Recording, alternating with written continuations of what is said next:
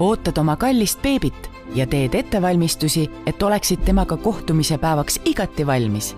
aga kas sa oled ka kuulnud tüvirakkudest, mida saab võtta vaid kord elus, lapse sünnihetkel? kuidas ja miks seda teha? kuula lähemalt järgnevast saatest. tere kõigile, kes te vaatate või siis kuulate peresaadet emadusest. täna me räägime rasedusest, sünnitusest ja tüvirakkudest ning sellest, missugust rolli tüvirakud ema ja lapse elus võivad mängida. minu vestluskaaslasteks on Reet-Melia Sildre ja Merike Seer ja nemad on ettevõttest Elumus ja Elumus just tüvirakkude kogumise ja säilitamisega tegelebki. tere tulemast! tervist, tervist! No kuidas see tüvirakkudega tegelemine üldse teie jaoks nagu algas, et äh, mismoodi üldse tuleb inimene selle peale, et ma hakkan tüvirakkude teemat uurima ja veelgi rohkem ma hakkan uurima, kas Eestis võiks ka neid säilitada? noh, see algas tegelikult äh, nagu minu eelmises töökohas, kus ma viljatusravikliinikus töötasin ja siis äh, mul jäi kolleeg lapseootel ja ta hakkas küsima, et, et tahaks tüvirakke säilitada. ja mina olen küll arstiks õppinud, aga tüvirakkudest suurt midagi ei teadnud. ja ütlesin, milleks sulle neid vaja on, et äh, oled terve inimene, terve pere sul terve, et milleks sulle neid. ja ta vastas mulle väga lihtsalt, ütles, et jah, olemegi terved, aga me kunagi ei tea, millal midagi võib juhtuda, kas raske haigus või trauma või harvhaigus ja et, et mina tahaks oma lapse tüvirakut säilitada. ja tõtt-öelda see mõte tundus huvitav ja me mõlemad hakkasime uurima, et kuidas siis seda oleks võimalik teha ja miks mitte oma kliiniku baasil teha, sest meil oli rakkude käitlemiskogemus ja oskused olemas. no see ei osutunud mõistlikuks, ütleme sinna, sinna jäigi see mõte veidi pidama aga siis see siiski idanes ja siis, kui me Reet Meeljaga arutasime seda, siis saime me hoo sisse, mõtlesime, et aga tegelikult sellist teenust oleks Eestis vaja ja, ja nii me seda siis hakkasime arendama. jah, tõepoolest, me hakkasime asja uurima, süvenesime erinevatesse kliinilistesse uuringutesse, mis nende tüvirakkudega läbi on viidud ja ja, ja jõudsime nagu järeldusele, et mida rohkem me loeme, seda rohkem me sellest teemast innustume, sest et iseenesest tundusid need tüvirakud ja võimalused nendega nagu mingi ime, aga samal ajal ka hästi loomulik, et su oma keha su oma rakkudega nagu ravib. ja, ja, ja tõepoolest ise me siis Rakupanka looma siiski ei hakanud, kuigi ka see käis peast läbi, äh, aga otsisime siis rahvusvahelise suurte kogemustega äh, Tüvirakupanga, kes on enim litsenseeritud ja akrediteeritud muuhulgas ja sõlmisime nendega koostöölepingu, siis taotlesime Eestis vajalikud load, litsentsid ja paar aastat tagasi siis saigi alguse Tüviraku teenuse säilitamise pakkumine Eesti klientidele nii, ma olen nüüd kuulnud, et äh, see on lihtsalt äh, fenomenaalne võimalus, kui inimene saab säilitada enda lapse tüvirakud, aga miks, miks seda peaks üldse tegema? väga lihtne vastus, et tegelikult tüvirakkudega saab ravida. Ja kui on häda käes, raske haigus või raske trauma, siis saab nemad sealt säilitusest nagu pangast välja võtta ja kasutada, mille jaoks vaja millal neid tüvirakke siis nagu võtma peaks, et äh, miks on see lapse ootuse aeg selle, ütleme, otsuse tegemiseks nii kriitilise tähtsusega? jah, sest äh, kui laps sünnib, et siis tegelikult saadakse need kõige paremad rakud ja kõige värskemad ja sealt äh, lapse sündimisel siis võetakse nabaväedi veri ja nabaväedi kude, mis siis on nabanöör ise. et need on tõesti, seal on rikkalikult, rikkalikult tüvirakke ja seal on nad noored ja nii-öelda värsked, et selles mõttes on see nagu kõige parem materjal nii et kui äh, siiamaani ikkagi on äh, kõikidele tundunud, et sünnituse käigus, äh, kui sa oled nagu lapse tervena ja hea sünnituse käigus kätte saanud, et siis kõik muu on nagu ülejääk, aga tegelikult on selles nabaväedis siis ikkagi nagu niivõrd eluliselt olulised rakud peidus. Mismoodi see, mismoodi see tulevikumeditsiin siis nendega toimetama võiks hakata? no ei saagi nüüd öelda, et nüüd väga tulevikumeditsiin. juba praegu? et tegelikult äh, tüvirakuravi on tuntud meil juba üle kahekümne aasta nagu täiesti igapäevase ravina mitte igapäevase, selles aga mõttes. kust siis neid tüvirakke saadakse, kui ei ole saadud nabaväedist, kas on veel mingi võimalus? või selles mõttes, kuidas nad praegu sellega tegelevad, ikka nende nabaväedirakkudega no,, jah? Lihtsalt Eestis polnud seda? jah, et tüvirakke on äh, siiani, siiani valdavalt luudist võetud, aga siin me räägime ikkagi operatsioonist, äh, mis on äh, oluliselt riskantsem, keerulisem ja riskantsem mm, -hmm. kui me võrdleme siis tõesti sellest nabaväädi koest ja verest rakkude võtmisega, mis siis tegelikult sisuliselt ju see väärtuslik materjal peale sünnitust visatakse lihtsalt minema, aga antud olukorras siis me pakume sellele hoopis sellist tulevikuperspektiiviga rakendust nii et minule tundus see sellise uue väga uue teemana ilmselt siis tõepoolest sellepärast, et ma ei olnud sellest nabane, nabaväedi võimalusest varem kuulnudki. -hmm. aga kuidas see siis võib nagu kasulik olla või et, et mismoodi see siis nagu tulevikus sellele perele hea on, see otsus? no jah, et äh, kui võtta see materjal nüüd ja see siis muidugi testitakse, pannakse külmutusse, panka, hoiule ja nüüd vajalikul hetkel, kui osutub vajalikuks, et tekib mõni raske haigus, siis need rakud sulatatakse ja spetsiaalsetes kliinikutes seda tehakse, muidugi mitte igal pool, siis kasutatakse need raviks. ja, ja ma lisaksin, et tõepoolest, et on na, nagu nabaväedi vererakud, mis on tuntud juba väga pikka aega ja Eestiski on üle kahekümne aasta tegelikult siirdatud neid, seda professor Hele Rausi professor Hele Everausi eestvedamisel. Kunagi tehti esimene siirdamine tuhat üheksasada üheksakümmend seitse juba Eestis.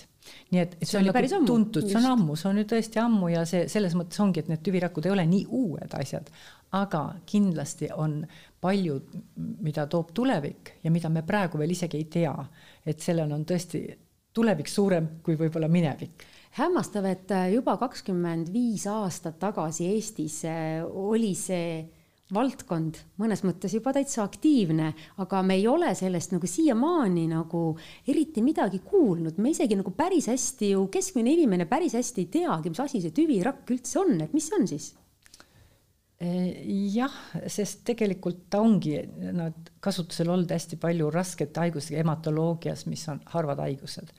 aga tänapäeval tasub tüvirakust rohkem teada ja see tüvirakk ise on nüüd niisugune täiesti algne rakk et kui me mõtleme oma eh, keha mis tahes kudesid, naha mm,, luul, kõhre, närvi, maksarasva, mis tahes kuded, nad on kõik spetsiifilised koed, et neil on juba oma kindel anatoomia, omad kindlad funktsioonid, siis tüvirakk on niisugune, millest kõik saab alguse. ta on nagu baasrakk selline baas., et sa võid sinna peale kõike ehitada, jah? kõik ja ta ise, tal on ainus võime, mis seal on, on, et ta hakkab paljunema hästi kiiresti ja ta on suuteline siis diferentseeruma, see tähendab muutuma erineva koe rakkudeks.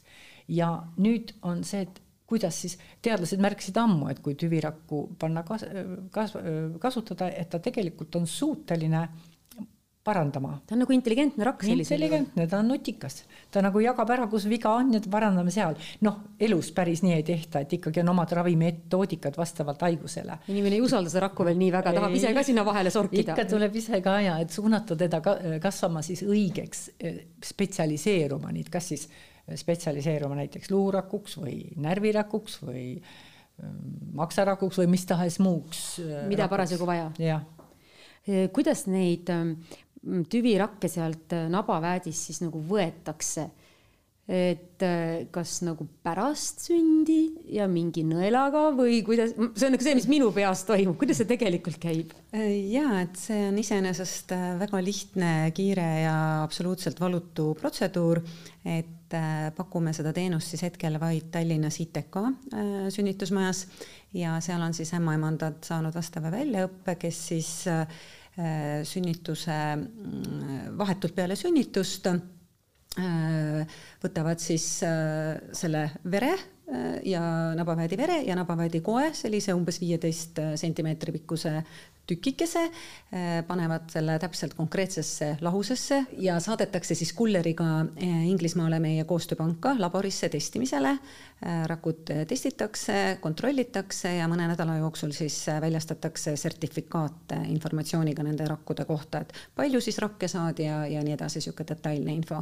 et ühesõnaga, protseduur on selline, mida tegelikult ema äh,, sünnitanud ema, tema üldse sünnitanud naine seda nagu ei märkagi, et see käib nagu väike sihuke sibli siblimine kõigi, kõikide muude siblimiste hulgas. just, et see on vahetult peale sünnitust, ei takista mitte ühtegi, ühelgi moel sünnituse loomulikku kulgu, et, et lihtsalt professionaalid teevad selle. kaalume, mõõdame tüvirakud. just põhimõtteliselt. suhteliselt sujuvalt läheb just, see jah. just, et otsus tuleb küll varem teha ja, ja see konkreetne kogumiskomplekt on siis juba viidud haiglasse selle konkreetse inimese nimele valmis teda ootama ja kõik see eeltöö on tehtud. aga, aga see protseduur ise on, on tõesti kiire ja lihtne mm. -hmm.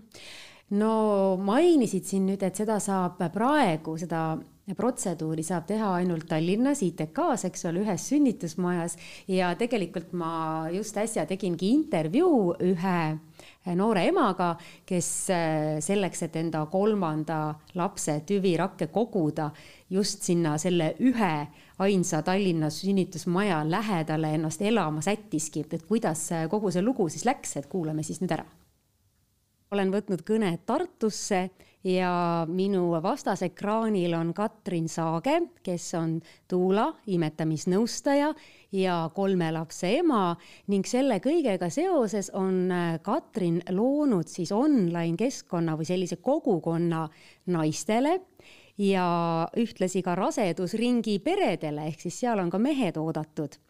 Ning Katrin ise on seda emaduse teemat äh, nüüd nii palju enda jaoks läbi töötanud, et ühel hetkel ta jõudis järeldusele, et äh, kui sünnib tema kolmas laps, siis tahab Katrin koguda lapse tüvirakke. Katrin, kuidas sa sellise otsuseni jõudsid? tere ka minu poolt. E, mina jõudsin selle otsuseni, tegelikult algus on päris kaugel, et ülikoolis ma õppisin bioloogiat, nii et tüvirakkude teema oli mulle täiesti tuttav ja hiljem bioloogiaõpetajana ma ka õpetasin seda teemat gümnaasiumis ja üks hetk, kui ma siis äh, oma kolmanda rasendusega guugeldasin, siis mõtlesin, et huvitav, kas neid tüvirakke siis nüüd on võimalik Eestis koguda. Ja tuli välja, et see on võimalik. Ja, ja siis ma otsustasin seda teha, sest äh, me mõtlesime, et arvatavasti on see meie viimane laps ja viimane võimalus mm. -hmm. kui sa nüüd üliõpilastega näiteks või oma kooliõpilastega sellest äh, oled äh, rääkinud, siis ütle, kas see uus põlvkond on kuidagi väga avatud sellisele äh, võimalusele või tuleb veel palju tööd teha, et inimesed üldse teaksid, mis asi see on ja, ja, ja kuidas see käib ja milleks see hea on? no ma ütleks, et mina õpetasin Miina Härma gümnaasiumis rahvusvahelises õppes ja seal õpilased olid igas asjas väga avatud ja äh, väga sellised super suhtumisega. oli sul endal ka mingisuguseid selliseid kahtlusi, et kas seda tasub teha ja, ja, ja mismoodi sa siis neid enda mõtteid analüüsisid mm? -hmm. kõigepealt, kui ma rasedaks sain, siis minu esimene mõte oli kodusünnitus ja, ja kui ma siis kohe peale seda varsti avastasin, et tüvirakke on võimalik koguda, siis ma olin noh kohe mm, sain aru, et minu jaoks eh, on eh, oluline just see tüvirakkude kogumine. nii et, eh, et otsustasin jah selle kasuks. Ja kuna beebid võivad ka varem sündida, siis me läksime juba paar nädalat varem Tallinna lähedale elama, kuna siis tüvirakke saab Eestis koguda ainult ITK-s nii et, et sellised muudatused ma vastu võtsin, aga ühtegi kahtlust ei olnud et olid kohe täiesti kindel, et see on oluline. missuguste tulevikuperspektiivide peale sa mõtlesid, kui sa seda otsust tegid, et mis need ähm, ütleme, kaalukausil olevad siis äh, asjad olid, mis selle otsuse kasuks sind äh, kallutasid? Kuna kunagi ei tea ette, eh, mis saab, neid tüvirakke säilitatakse kakskümmend viis aastat selle tasu eest, et eh, ma tean, et see on hästi selline teaduses arenev valdkond, et isegi see nimekiri, mis praegult on kirjas, mis nendega teha saab, et ma tean, et see kõik täieneb, nii et siis ma mõtlesin, et see on ilus kingitus. Ja teiseks on ka see, et kuna siis tema, eh, meie tütre vennad on tal on samad vanemad, et siis on ka mingi tõenäosus, et neid samu tüvirakke oleks saanud ka kasutada e, e, vennad nii et tegelikult see viimase lapse tüvirakk oli ühtlasi nagu tervisekindlustuse või garantii äh, ütleme rollis ka kõikide teiste pereliikmete jaoks. kuidas ja, sellega?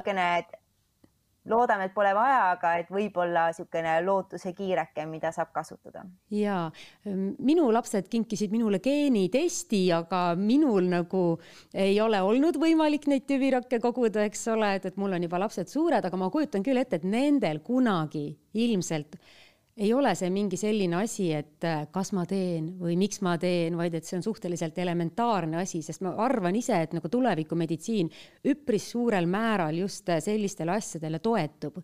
aga kuidas sinul läks see tüvirakkude kogu, kogumine? Ja et äh, me läksime varakult juba Tallinna lähedale, et äh, beebi ei otsustanud üldse varem sünnida, aga ta otsustas väga kiiresti sündida, nii et, äh, et temale meeldis mõte, et ta sünnib oma vanaema kodus. nii et, et haiglasse me ei jõudnud, vaid jõudsime sinna mõned tunnid hiljem. Ja selleks hetkeks loomulikult seda nabavädi verd enam võtta ei saanud. Aga otsustati, et katsetamise mõttes võtta need koerakud, nabavädi koerakud et äkki, äkki sealt midagi veel saab. Eh, need proovid võeti vist seitse tundi hiljem ja saadeti Ühendkuningriikidesse. kahjuks siis öeldi, et, et seal ei olnud elujõulisi rakke ka, nii et eh, ikka kohe on vaja panna need ähm, ka koerakud sinna erilisse lahusesse. Et jah, kahjuks meil läks niimoodi, loodame, et meil siis neid tüvirakke ei ole kunagi vaja, aga me kaalume, et nüüd, et üks võimalus on veel ja seda ma tahtsingi küsida, et kas sa selle võimaluse peale ka mõtled, et mis on see viimane mm -hmm, võimalus? aga räägi ja. natukene, mis plaanid on? ja piimahammastega on nüüd niimoodi, et tegelikult kõige vanem laps on kaheksa-aastane, kes siin äh, vaikselt äh, vahetab hambaid. Nii et äh, tegelikult seda saaks kõigil kolmel lapsel võtta.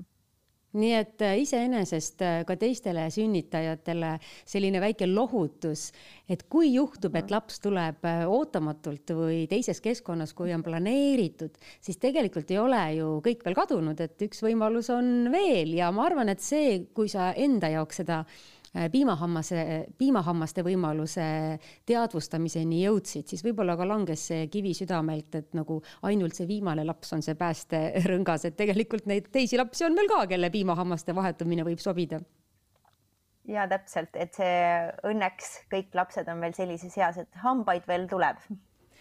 aitäh sulle, Katrin, äh, enda lugu jagamast ja ma soovin sulle edu selles äh, ametis nii rõõmu toovas ametis, mis sul on, et suur tänu.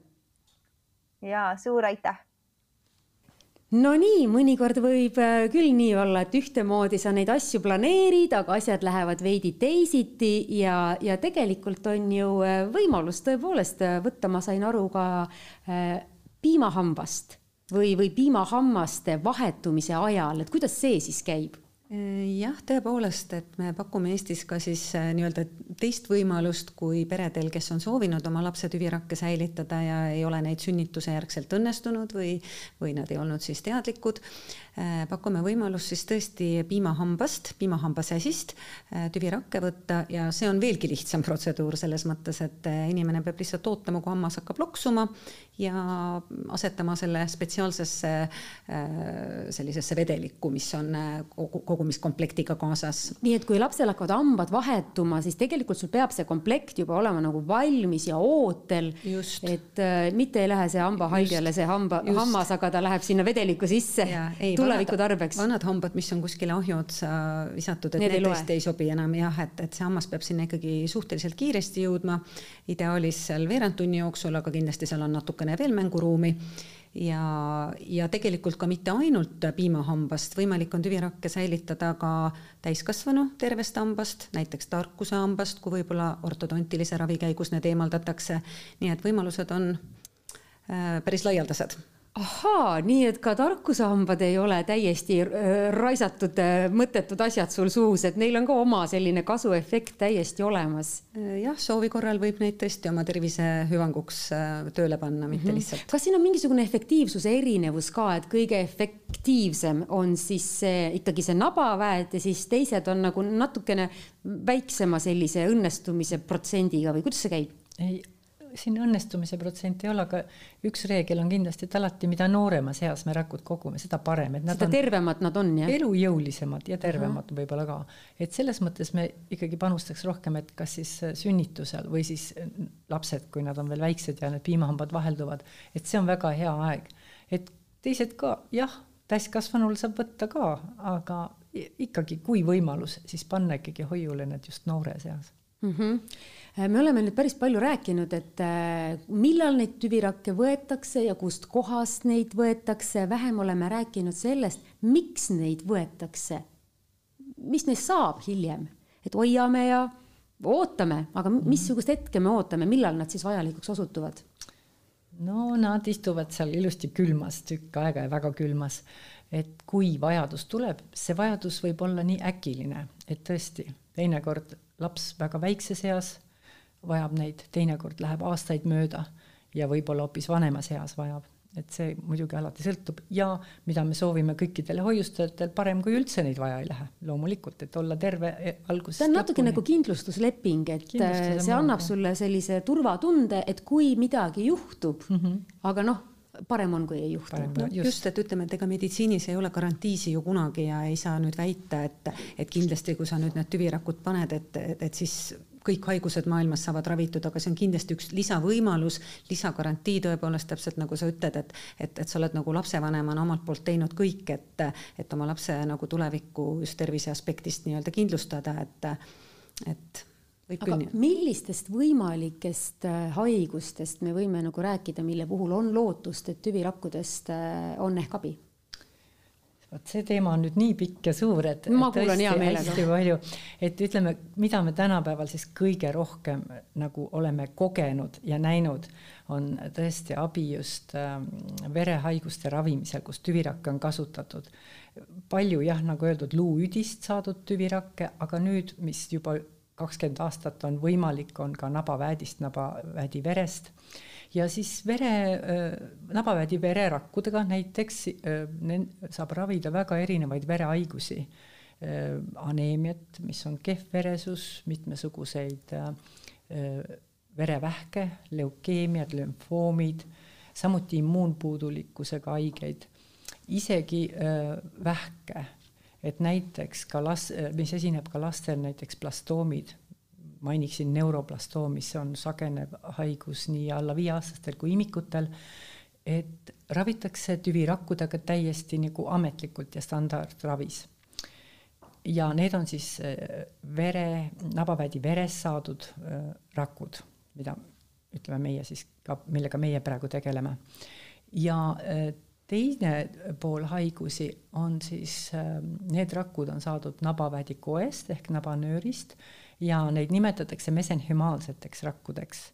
ja vot see valdkond on nüüd hästi äh, laiades uuringutes ja võiks öelda, kuna need tulemused on väga paljutõotavad, siis neid uuringuid tekib juurde ja juurde, et tänasel päeval me Eestis neid haigusi, kõiki äh, haigusi veel ravida ei saa tüvirakkudega, et see ei ole nagu äh, ametlik. aga on lootust, et tulevikus see valdkond areneb nii palju edasi ja kuna need rakud siis nii kaua kestavad, siis kes teab, äkki saab need kaks asja kokku panna mm,? tahaks väga uskuda, et tegelikult Eestis meditsiin areneb ju nii kiiresti, kiiresti.. ja ma usun, et äh, ka Eestis tekivad need spetsiaalsed kliinikud, praegu neid on, tüviraku ravikliinikuid on üle maailma ikka päris korralik kogus meil siin lähedal Euroopas ka mitmes maas, isegi nimetaks Ukrainas, eh, kus tõesti ravi tehakse, kus abi saadakse.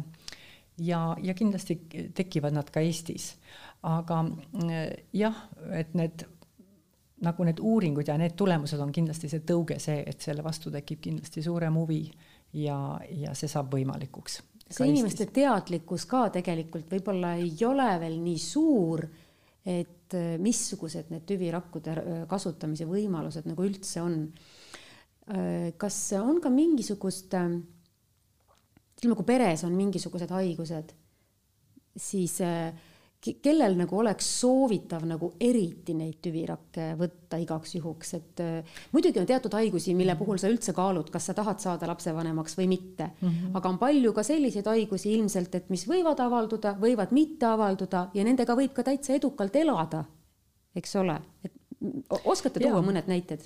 no jah, on haigusi, millega võib elada ja ravida kogu aeg, on haigusi, mis on ikkagi väga rasked, no näiteks ähm, tooksin Fanconi aneemia, mis on nagu hästi tuntud, et tüvirakkudega väga hästi reageerinud äh, ja abi, tüvirakkudes palju abi saanud.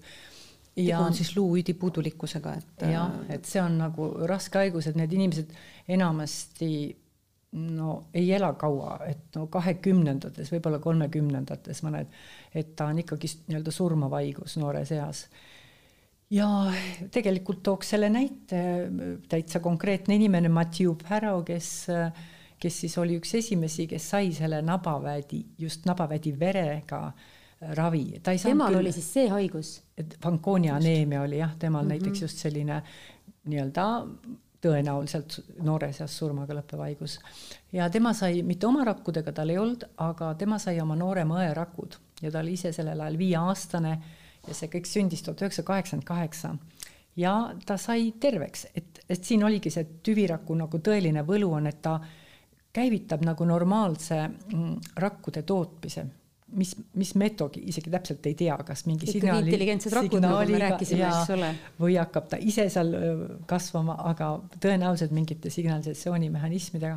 ja tema siis ka, ta sai terveks, tema hiljem abiellus ja tähistas siin mõni, mitmed aastad tagasi oma nii-öelda teist elu. ma, ma nagu julgen arvata, et kui ta abiellus ja kas ta sai ka lapsed ja kas ja. nendel lastel võeti ka tüvirakud?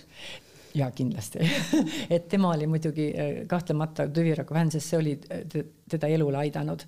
ja, ja tal on praegu see poeg, poeg saab vist seitseteist aastat vanad, et ta on ise kuskil ligi nelikümmend ja laps on seitsmeteistaastane ja teda on leit-, leit-, leit-, ta on leitav internetis, et tema kohta saab lugeda ja see on hea lugu, sest tõepoolest see näitab ka, et see ravi oli ohutu, sest tal ei ole selle kolmekümne viie aasta jooksul olnud mingeid kõrvaltoimeid, mis on väga oluline, et mitte ainult ravi efektiivsus, vaid ka need kõrvaltoimete osa.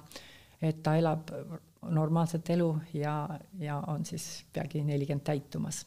et on üks selline näide. see oli väga inspireeriv näide, et ma hea meelega kuulaks veel, et, et üks on siis selline verehaigus mm -hmm. või siis aga, aga mida muud?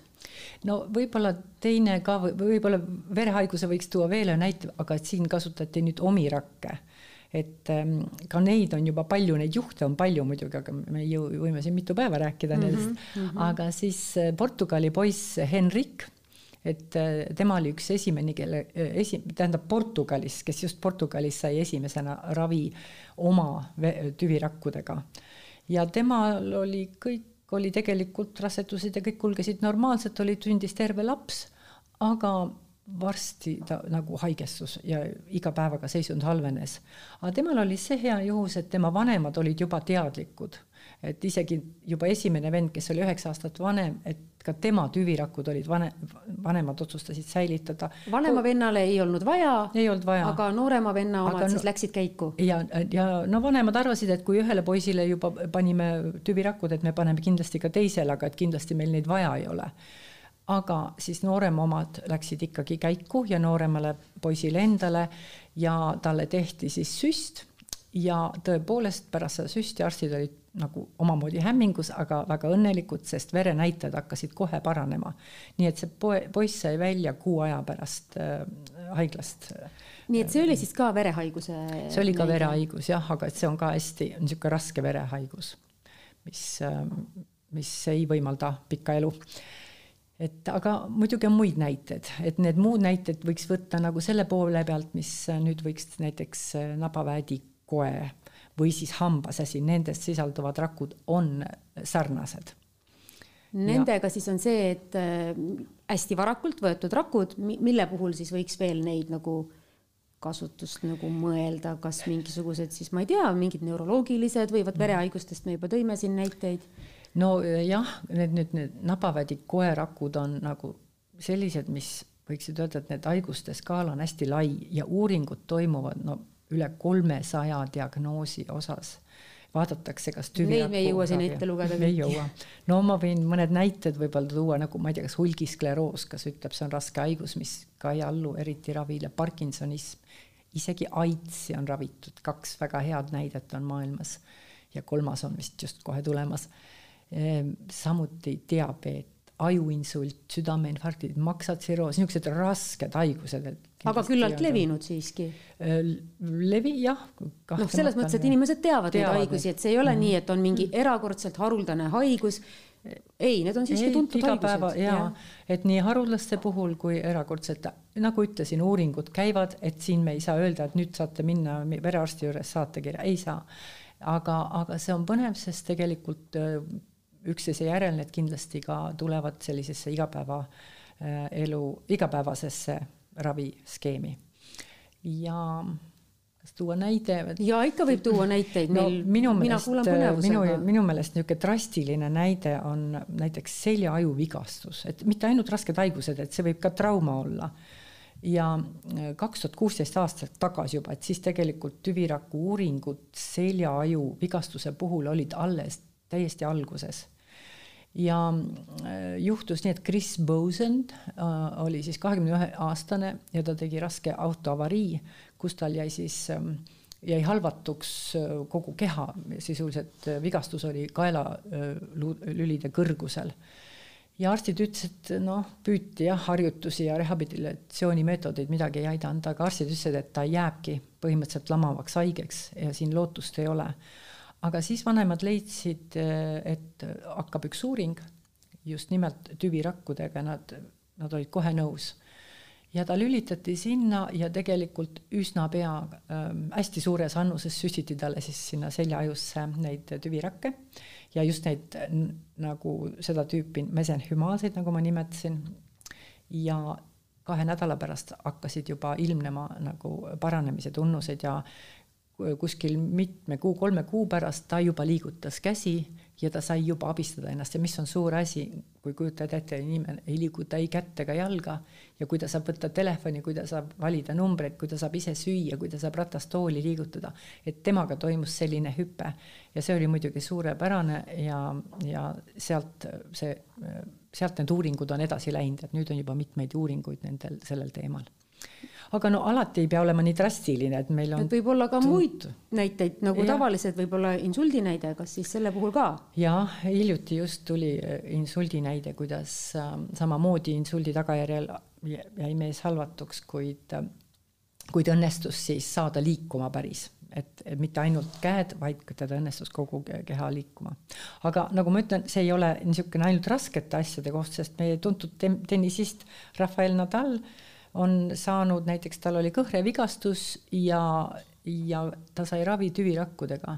Ja kümne kuu pärast naasis ta tennisesse ja peale seda võitis kümme tiitlit ja järjest, no järjest ja, ja veel kaks Grand, Grand Slami turniiri. see oli nagu doping tal see tüviraku. no nagu doping ja, et tal. ma hakkasingi praegu mõtlema, et kui see aitab nagu nii paljude asjade vastu, et nagu, et kuhu me siis jõuame, et kas tulevikumeditsiin on selline, et me ei lähe mitte äh, lihtsalt apteeki, et osta natuke oomega kolme ja, ja rauda, vaid käime ühtlasi seal kõrvalkabinetist ka läbi, kus me saame nagu siukse surtsaka tüviraku süsti, et küll ta ise teab, mida seal kehas parandada no päris nii ei tahaks öelda või ei julgeks nagu mõelda, aga kes teab, võib-olla on.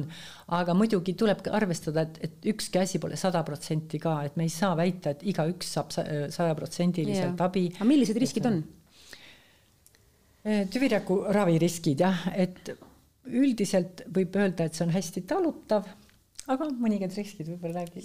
jah, et äh, selliseid kõrvaltoimeid ja riske on teadaolevalt suhteliselt harva, et võib-olla üks levinumaid ongi äh, äratõukereaktsioon, mis on siis äh, võimalik doonorrakkude puhul ja, ja see ongi nagu just see, mille võrra see oma isiklike rakkude säilitamine on meie meelest just ääretult äh, suure potentsiaaliga ka, et oma isikliku keha võtab paremini omaks. et seal nagu praktiliselt ära mhm. tõukereaktsiooni võimalust ei ole, et, et keha, need rakud, äh, need sobivad nagu sellele doonorile endale, ehk siis kui lapse rakud on pandud panka, siis selle lapsele sajaprotsendiliselt, et et jah, et see ongi võib-olla kõige levinum kõrvaltoime või selline et ta lihtsalt ei toimi. just, ja ta võib ka mõne aja pärast, et operatsioon justkui õnnestub, aga hiljem, eks ole, tõukab need rakud ära lihtsalt. Äh, nojah, meditsiinis on neid võtteid, kuidas seda vältida ka muidugi, aga et põhimõtteliselt see on nagu üks asi, mis on mhm. doonorrakkud. kui nad ei hakka hästi läbi saama, siis keha ja siis tüvirakud, kui nad ei saa hästi mm. läbi, siis see võib olla siis nii-öelda see riskikoht. just, et noh, sellepärast me ütleme, et lapse, lapsel võtta oma rakud on suur asi, et tal on omad. siis nad sada protsenti sobivad. kui nagu sobib, näidustus sobib, et neid tema haigust saab tema oma rakkudega ravida, siis on, see on nagu hea asi tagataskus tõesti. aga kui nüüd äh, pere otsustabki, et äh, plaanime last või juba oleme lapse ootel mm -hmm. ja tõepoolest äh, lapse tuleviku tervise nimel, võib-olla ka selle lapse õdede-vendade tuleviku tervise nimel on see pere siis otsustanud, et jah, meie tahame tüvirakke säilitada. no kuidas nad siis alustama peaksid või mis nad siis tegema peaksid pärast seda otsust?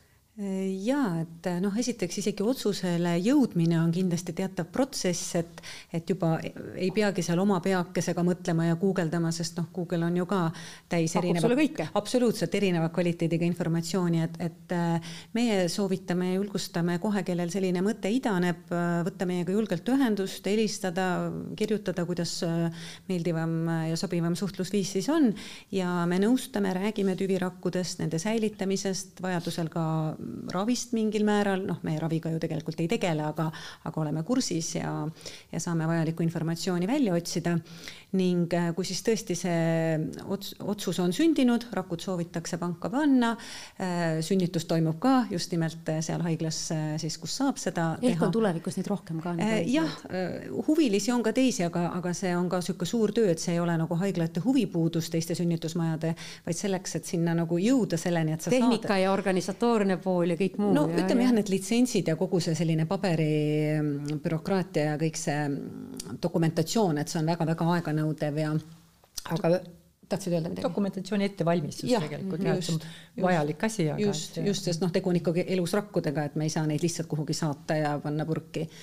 aga kui otsus siis on sündinud, sõlmime me siis kliendiga, perekonnaga lepingu Äh, leping on siis kolmepoolne, äh, Inglismaal meie koostööpank, Rakupank, meie ja siis äh, tulevane noor perekond ja, ja viimegi siis ITK-sse sünnitusosakonda selle konkreetse inimese nimelise kogumiskomplekti ootele seda päeva, mil ta sünnitab, sest sünnitus võib ka ju varem tulla ja sünnituse päeval siis on hea alati mainida, et see teenus on tellitud, kuigi haigla on kursis, siis ikkagi sünnitajaid on palju, vahel võib juhtuda ka mõni nimekaim, mis iganes. ja, ja kui ämmaemand on kenasti teadlik äh, ja, ja sünnituse lõppedes siis või kui sünnitus on ära olnud, siis, siis need rakud võetakse, nii nagu ma siis eelnevalt rääkisin ja nüüd on täiesti õige aeg rääkida sellest, kuidas kogu see protsess praktikas välja näeb. Äh, minuga on koos siin stuudios Ida-Tallinna Keskhaigla ja Next Fertility ämmaemand ühtlasi ka aasta ämmaemand Kirlin Meejärv ja Kirlin, et äh, milline see protsess siis on, et on seal mingisugused jublakad asjad, tehnoloogia, mismoodi sina seda tööd teed äh,? siis siin on äh, näidatud äh, ka, et mis, mis vahendeid me selleks protseduuriks kasutame. tüvirakke kogub siis ämmaemand ja kõik Ida-Tallinna Keskhaigla sünnitusosakonna ämmaemand on vastava koolituse läbinud. Ja pärast seda, kui nabaväet on klemmitud, siis me sellise äh, nii, siin on sellised voolikud ja, ja kogumiskott, jah? kogumiskott, siin on üks suur nõel, mille me saa-, äh, saame siis panna nabaväädi, mhm. nabaväädi äh, sisse ja siia kogumiskotti siis voolab veri, veri. ja äh, siia konteinerisse me paneme siis äh, nabaväädist äh, viie, viieteist sentimeetri pikkuse jupi ja mõlemas äh, anumas on siis äh, vastav lahus, mis aitab materjalil säilida mm. -hmm. ja siis selles karbis on siis kogu see komplekt, mis selleks tüvirakkude võtmiseks vajalik ja, on. et selline pakend on siis enne sünnitust juba haiglasse saabunud ja siin on ka selline spetsiaalne isolatsioon sellel karbil, et kui äh, transpordi ajal äh, on siis äh, temperatuur õige, et ikka need rakud säiliksid ilusti teel laborisse. nii et see peab olema siis kogu aeg nagu õigesti hoiustatud? jaa, seal on temperatuuriandur ka sees, et siis kontrollida seda mm -hmm. olukorda. kui äh, pere on otsustanud, eks ole, et nad äh, tahavad neid tüvirakke säilitada ja haiglasse on see karbikene juba toimetatud ja läheb siis selleks tüviraku võtmiseks. et äh, mis hetkel seda nagu võetakse ja kas see on kuidagi valus või ebamugav ka emale ja lapsele? seda võetakse siis äh, peale sünnitust, siis kui nabaväet on klemmitud, kindlasti see valus ei ole. sa nagu ei pane tähelegi? Ei, seda, see, need hetked on, ähm, selle pere tähelepanu on hoopis äh, ikkagi beebi peal ja seda protseduuri tõesti nagu väga palju tähele ei, ei panda mm. -hmm. mis sa siis räägid, kui sa seda protseduuri teed, et kas sa ütled ka, et nagu, et nüüd me teeme seda ja nüüd me teeme teist ja? no pigem äh, need asjad äh, räägime varem ära, et ma ei taha sellel hetkel nagu tähelepanu lapse pealt ära tuua et see on nagu mõõtmine, kaalumine, et see käib kuidagi niimoodi vaikselt tehakse kuidagi ära ja pärast on kõik ja. need andmed olemas. Mm -hmm. aga kui on tegemist näiteks äh, keisrilõikega, kas siis saab ka neid tüvirakke võtta? ja keisrilõige ei ole kuidagi vastunäidustuseks, et äh, keisrilõike puhul saab ilusti võtta nii nabaväedi verd kui nabaväedi kude.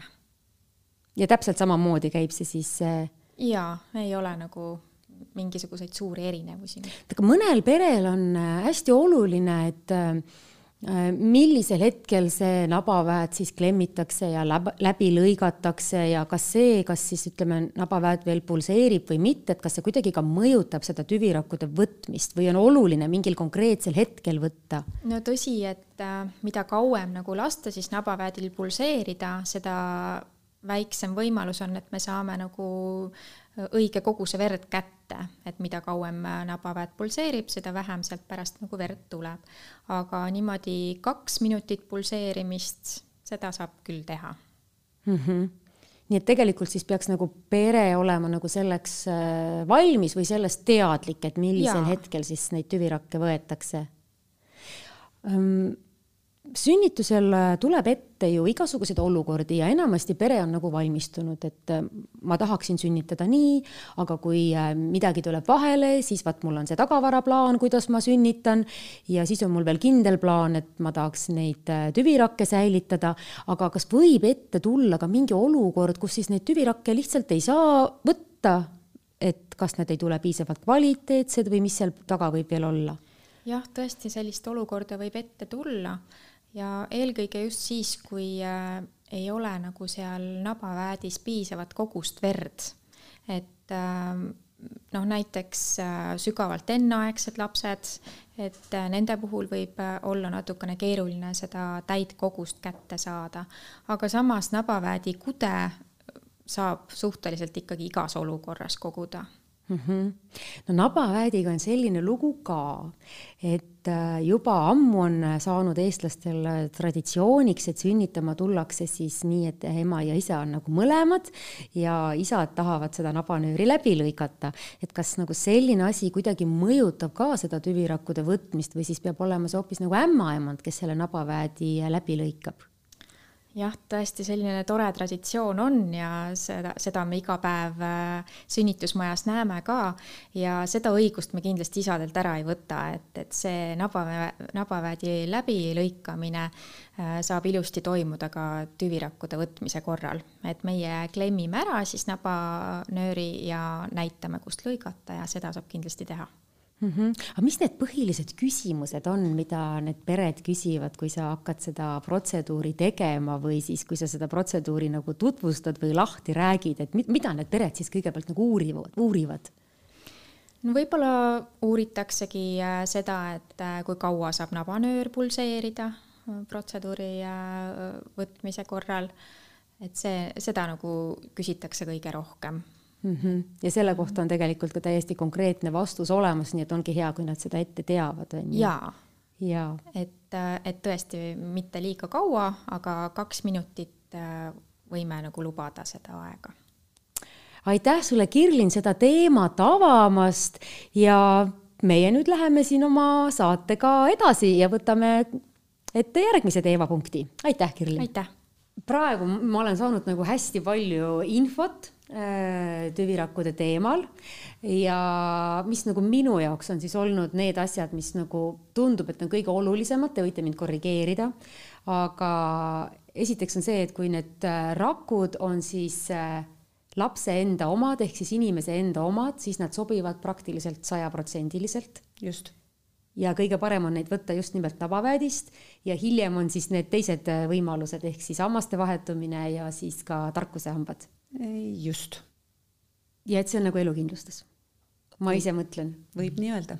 eks ole, sest et sa ju kunagi ei tea ja on hea, kui sul on selline asi olemas, et kui midagi juhtub, et ma arvan, et äh, hingerahu hind on tegelikult äh, igaühe jaoks muidugi erinev, aga, aga, aga enamasti on see hingerahu just see, mida kõik inimesed nagu endale tahavad ja endale pere, enda perele tahavad. just, meie just oleme nagu seda meelt, et see, kas need rakud panna panka või mitte, on sügavalt iga perekonna enda, enda otsus, aga mida meie nagu soovime, on see, et kõik lapseootel naised võiksid olla teadlikud, et selline võimalus on, just, just., siis nad arutavad, mõtlevad, vaatavad, aga lihtsalt, et vältida seda kahetsust, kui hiljem kuulda, et oih, et ma sünnitasin kuu aega tagasi, aga ma oleks ka tahtnud, et lihtsalt see teadlikkus, et, et, et see on nagu kõige olulisem. Aga kuidas teile praegu üldsegi tundub, et kas see teadlikkus on nagu vaikselt kasvamas või selles mõttes, et noh inimesed juba isegi ju Tartust tulevad Tallinnasse, et saada ITK-s äh, sünnitada ja, ja, ja rakke võtta ja, ja ämmaemandad on nagu väga kaasas kogu selle protsessiga, et mulle tundub, et see teadlikkus on kasvamas. no kahtlemata, et äh, meie juurde jõuavad tõepoolest inimesed erinevaid kanaleid pidi ja meie kohta saab lugeda siis meie veebilehelt elumus.ee, me oleme ka Facebookis leitavad, aga kindlasti kogu infot sinna üles panna ei saa, et me ikkagi alati julgustame meiega ühendust võtma ja konsultatsiooni võtma, et see on tasuta, see ei kohusta millekski ja, ja siis saab nagu kõik need teemad läbi käia, et sest tõesti, teema on ikkagi pigem ju uudsem ja, ja mis meile tundub võib-olla loomulik, paljude inimeste jaoks on palju küsimärke ja küsimusi ja, ja, ja seetõttu äh, on mõistlik ikkagi see konsultatsioon võtta, aga, aga tõepoolest see teadlikkus on kasvamas, et seda me näeme äh, päringuarvude kasvust, meiega ühendust võtnud klientide kasvust ja ka erinevate meediaväljaannete poolt kontakti võtmise näol, et, et sõna vaikselt jõuab inimesteni suur tänu teile seda eluliselt olulist infot jagamast, Merike Seeri-Jaar, Reet-Meelja Sildre Elumusest ja head vaatajad, emadusest saade on nüüd selleks korraks läbi ja ma usun, et pärast äh, tänase saate vaatamist on äh, mõtlemist nii mõnelgi perel. aitäh ja kohtumiseni! Ootad oma kallist beebit ja teed ettevalmistusi, et oleksid temaga kohtumise päevaks igati valmis aga kas sa oled ka kuulnud tüvirakkudest, mida saab võtta vaid kord elus, lapse sünnihetkel? kuidas ja miks seda teha? kuula lähemalt järgnevast saatest